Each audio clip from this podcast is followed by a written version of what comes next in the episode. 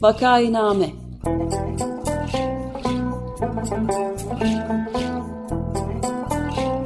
Salgın günlerinde memleket manzaraları Hazırlayan ve sunanlar Güven Güzeldere, Ömer Matra ve Özlem Tekin.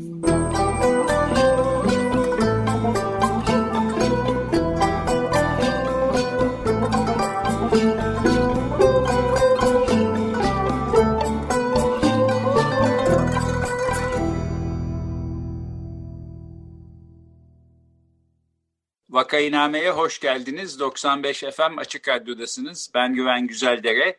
Programı Ömer Madra ve Özlem Teke ile birlikte yapıyoruz. Bugün konuğumuz felsefeci Profesör Ioanna Kuçuradi. Herkese merhaba. Merhaba, evet. hoş geldin Ioanna. Hoş Merhabalar. Konuğumuz Merhaba. filozof, akademisyen Profesör Doktor Ioanna Kuçuradi. Özellikle insan hakları, etik e, değerler üzerine çalışmalar yürütüyor. Felsefe ve insan hakları konusunda bir UNESCO kürsüsü sahibi, Türkiye Felsefe Kurumu Başkanı olan Ioanna Kuçuradi, halen Maltepe Üniversitesi İnsan Hakları Araştırma ve Uygulama Merkezi Müdürü ve İnsan Hakları Anabilim Dalı Başkanı olarak görev yapmaktadır. Hoş geldiniz hocam. Hoş bulduk. Evet, Ioanna Hocam hoş geldiniz. Sahiden çok teşekkür ederiz e, bunca işinizin arasında. Siz Türkiye'de... Bu kadar yıldır bunu yapıyorsunuz, bu programı bu kadar e, sadakatla güzel bir programdır sizinki. Peki, teşekkür ederiz. Biz de siz Türkiye'de felsefenin gelişmesine en çok emek vermiş olan insanlardan birisiniz. Biz de son derece e, gündemde olan değerler konusunun felsefi çerçevesini sizinle konuşalım istedik. E, aslında bir seri düşünüyoruz. Yani bir aksilik olmazsa bu programın ardından iki program daha yapacağız ve değerler meselesini sosyal psikoloji ve siyaset bilimi açısından da ele almaya çalışacağız. Fakat e, çok karıştırırsınız işleri. E, bizim işimiz bu biraz gibi.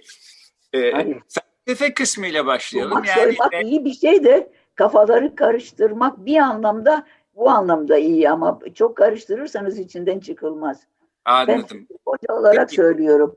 Ben bir şey ay çocuklar tamam anladı diyorum. Sınav kağıtlarında eski tas eski hamam çıkıyor karşıma.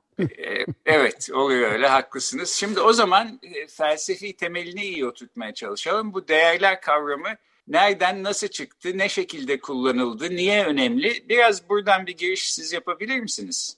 Değerler kavramı rivayete göre ekonomiden felsefeye geçti. Hayır. Ta değer kelimesini Aristoteles'te de buluyoruz mesela ama değer üzerinde değerin değer felsefesi de denilen felsefenin eski, eski geçmişi çok uzun değil. Ama bakarsak filozofların hemen hemen etikle uğraşan bütün filozoflarda böyle konular geçiyor. E, ve burada evrensel olması gereken bir unsurdan bahsetmek istiyoruz değil mi? Yani insanlık değerleri mesela, insan hakları falan gibi şeylerden. Evet. Yalnız şimdi evrensellikten de ne kastediyoruz?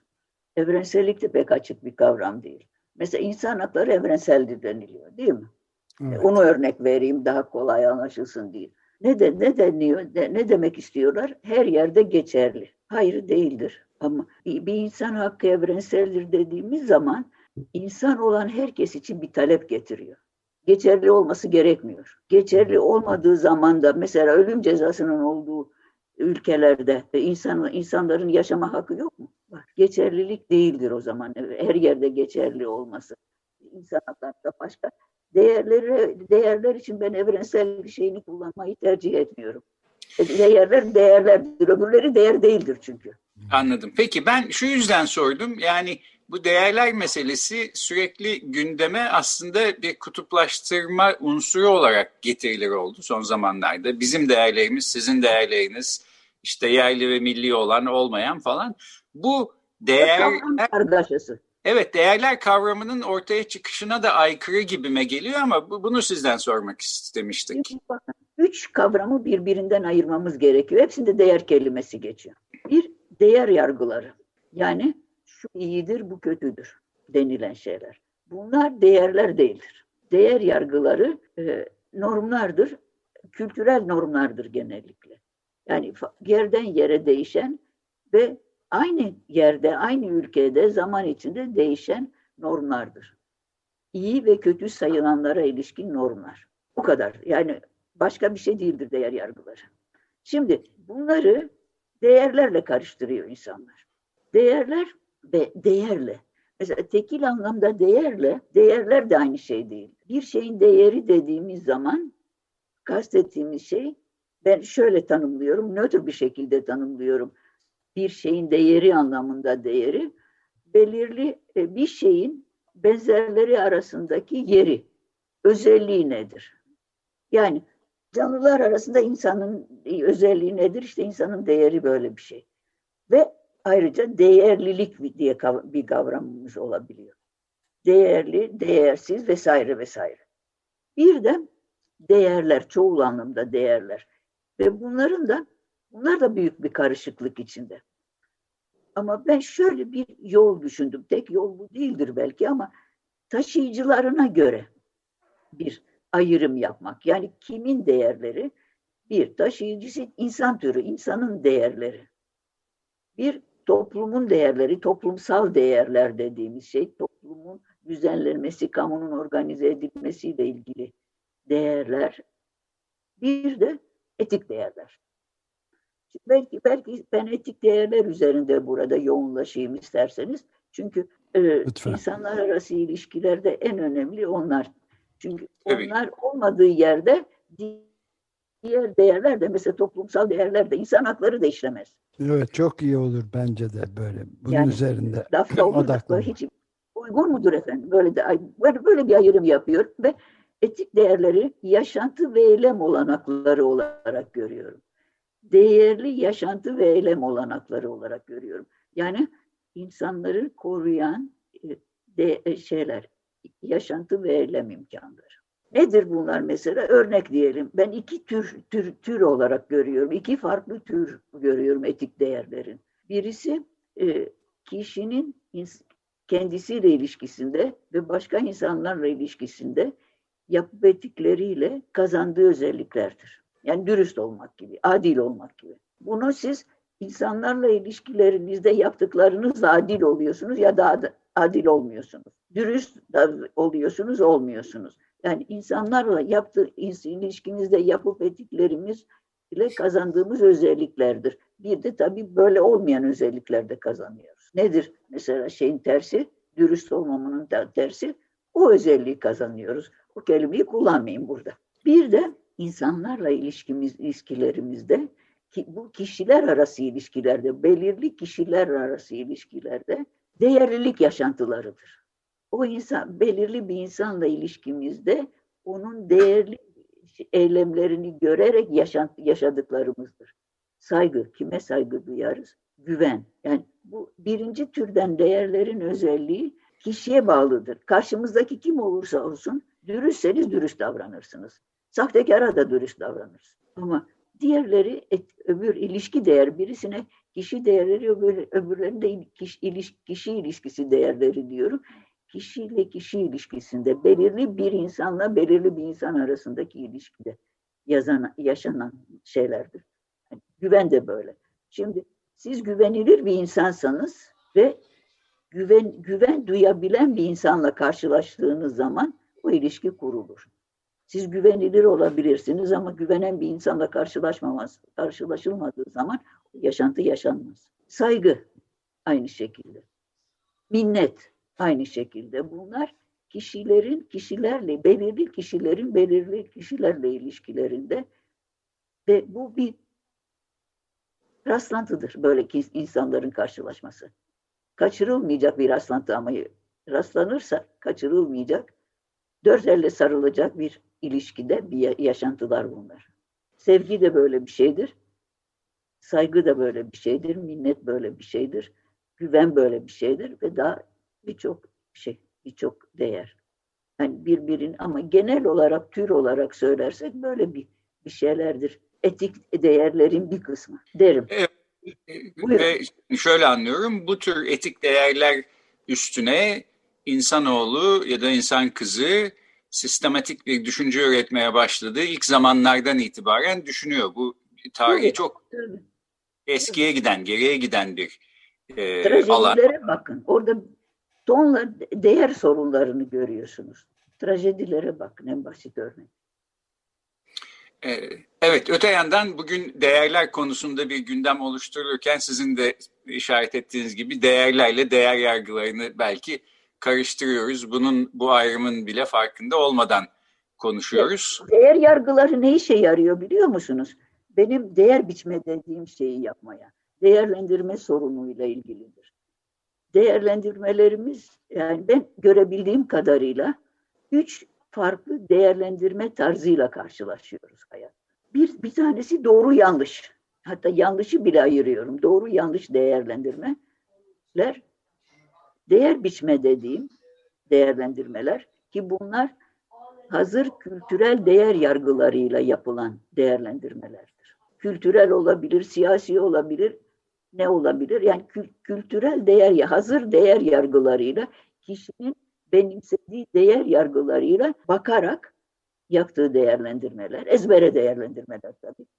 Değerlendirilenlerden kopuk değerlendirmeler, tesadüf. İyi derse de iyi ise ayrı bir şey, bir tesadüftür. Bilerek yapılmıyor. Bir de kişinin kendisiyle ilişkisindeki yaptığı değerlendirmeler. Ben çocuklara derste soruyorum. Anne, babaannen var mı anneannen? Var diyor. Ağlıyor mu film seyrederken? Ağlıyor. Neden ağlıyor? Mesela hangi filmlerde ağlıyor? Mesela oğlu askere giderken çünkü kendi torunu askere gitmiş. Yani kendisiyle bir ilişki kuruyor. Ve basit bir örnek vermek için bunu verdim. Birçok hmm. örnek böyle.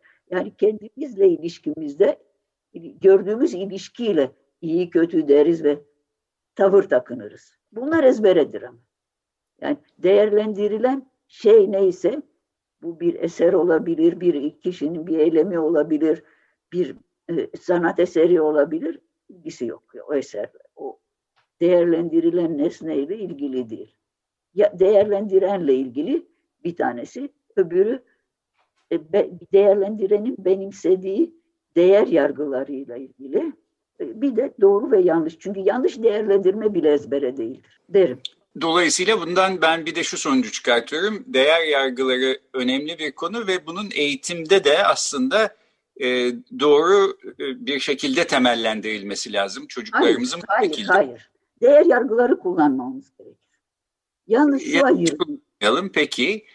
Şu e, ayrımı yapmak gerekir. Davranış normlarıyla değer yargılarının farkını görmemiz gerekiyor. Değer yargıları ve davranış normları bir birine çok kolayca dönüştürülebilir.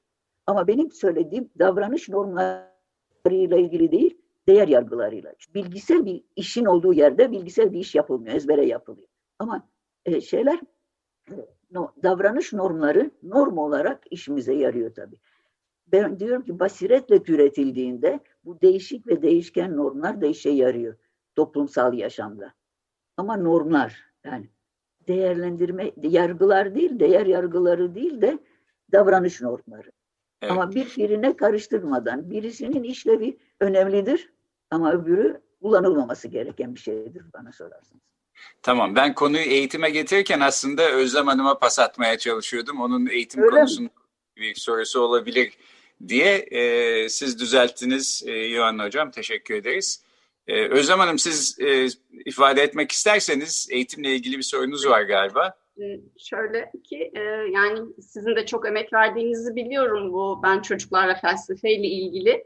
E, son yıllarda bu konuda çok e, yayın var. E, çalışmalar da yürüt. Evet. Peki e, bakış açınız e, şu anki e, felsefe eğitimiyle ilgili nasıl?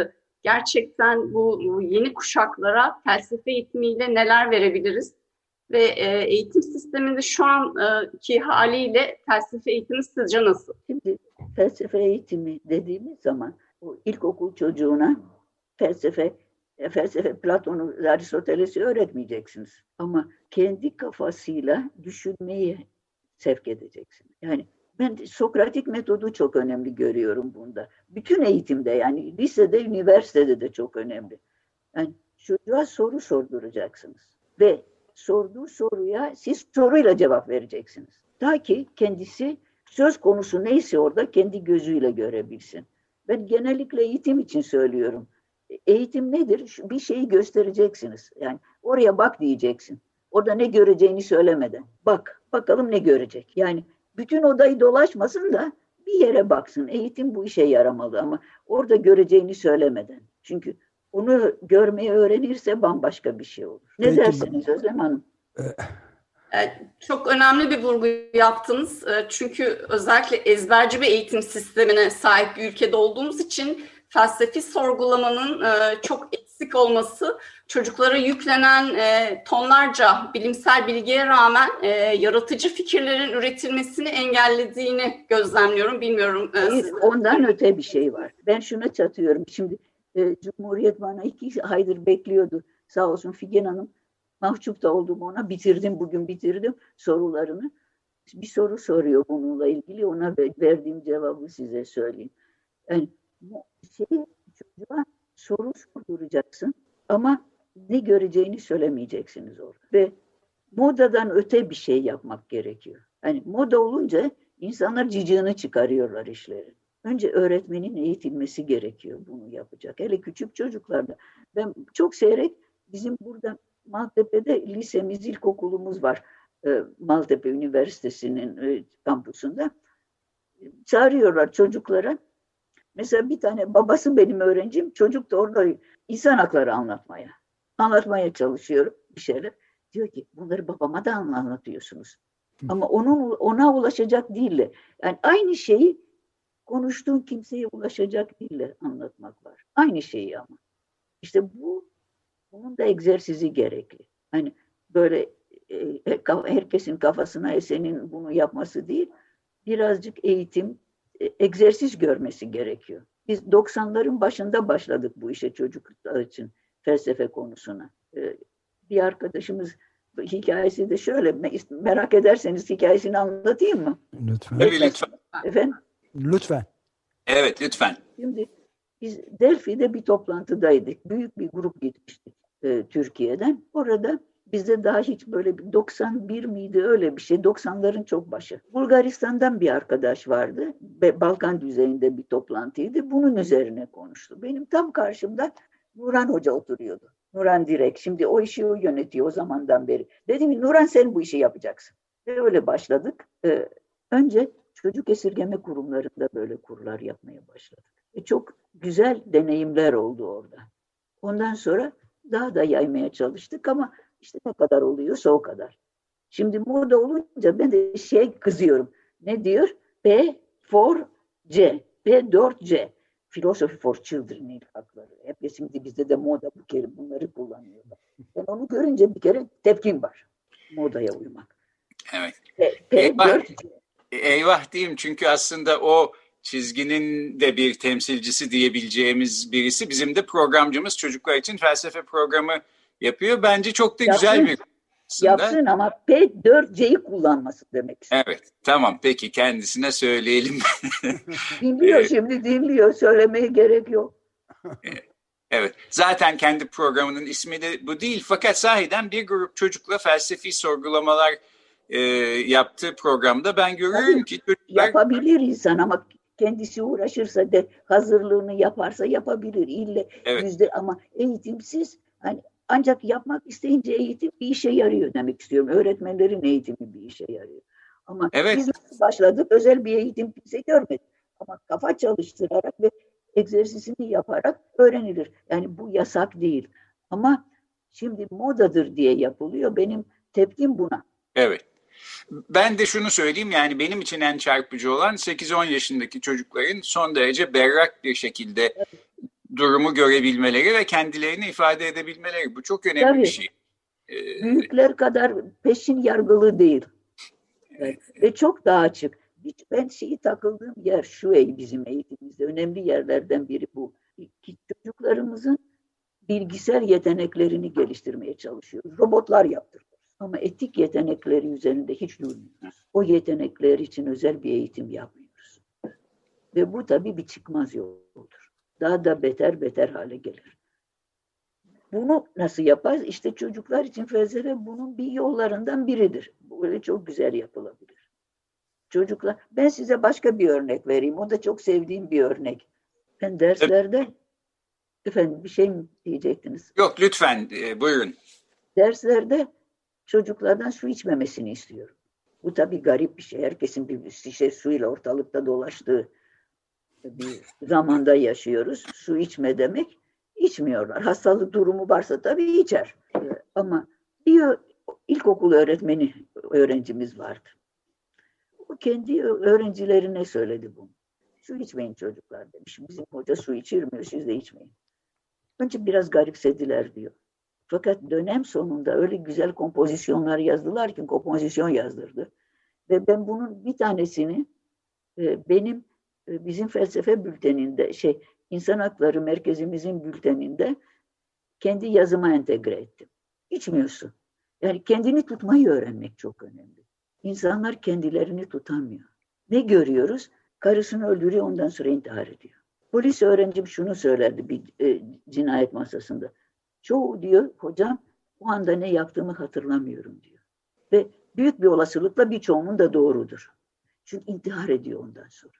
Yani bunlar o yaşlarda, o yaşlar çok güzel yaşlardır bunları öğrenmek için. İlkokul, ortaokul. Ama olmuyorsa daha yukarıdaki eğitimde de yapıyoruz. Ne yapalım? Evet ama her halükarda ülkemizin her çocuğu bir felsefi eğitimden geçse. Yani bu tür bir eğitim, bu tür bir eğitim. De, felsefe kelimesini kullanmasak bile. Evet yani bambaşka bir ülke e, olabiliriz, olabilirdik Tabii. en azından.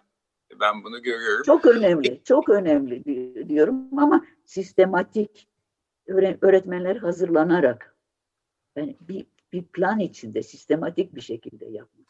Herkesin evet. istediği taraftan çekerek değil. E, peki programda son dakikalara geliyoruz. Ömer Bey e, siz de bir şey demek istiyorsunuz. Buyurun Ömer Bey.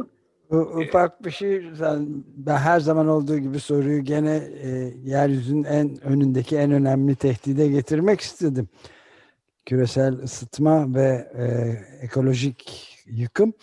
E, burada mesela Lisipria Kangucam diye bir çocuk 9 yaşında şimdi bizden e, Yeşil Gazete'de bir şeyle konuşmuş çok e, bizim şimdi bizde programda yapmakta olan Atlas Sarafoğlu kendisiyle mülakat yapmış.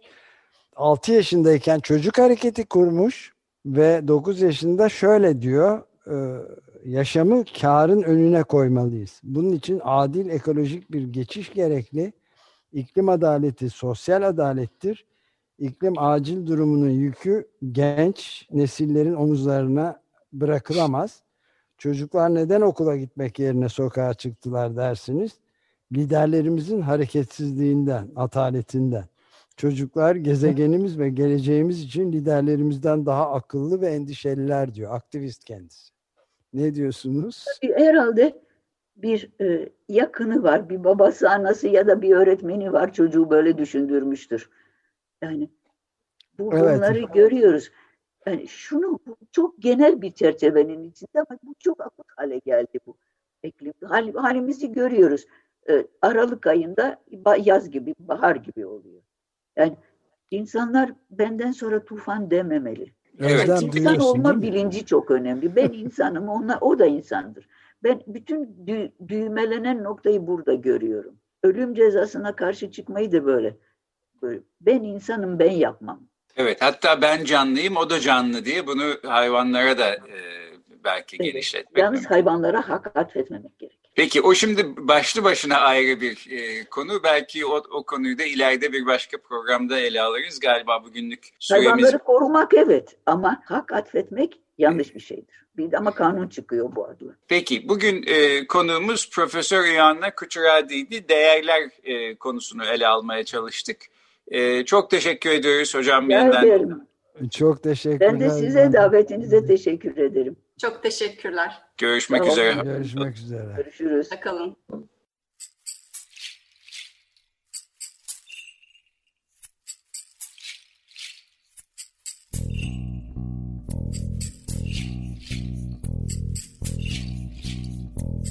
Vakainame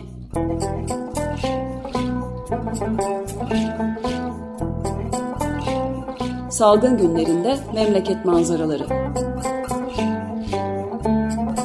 Hazırlayan ve sunanlar Güven Güzeldere, Ömer Matra ve Özlem Tekin.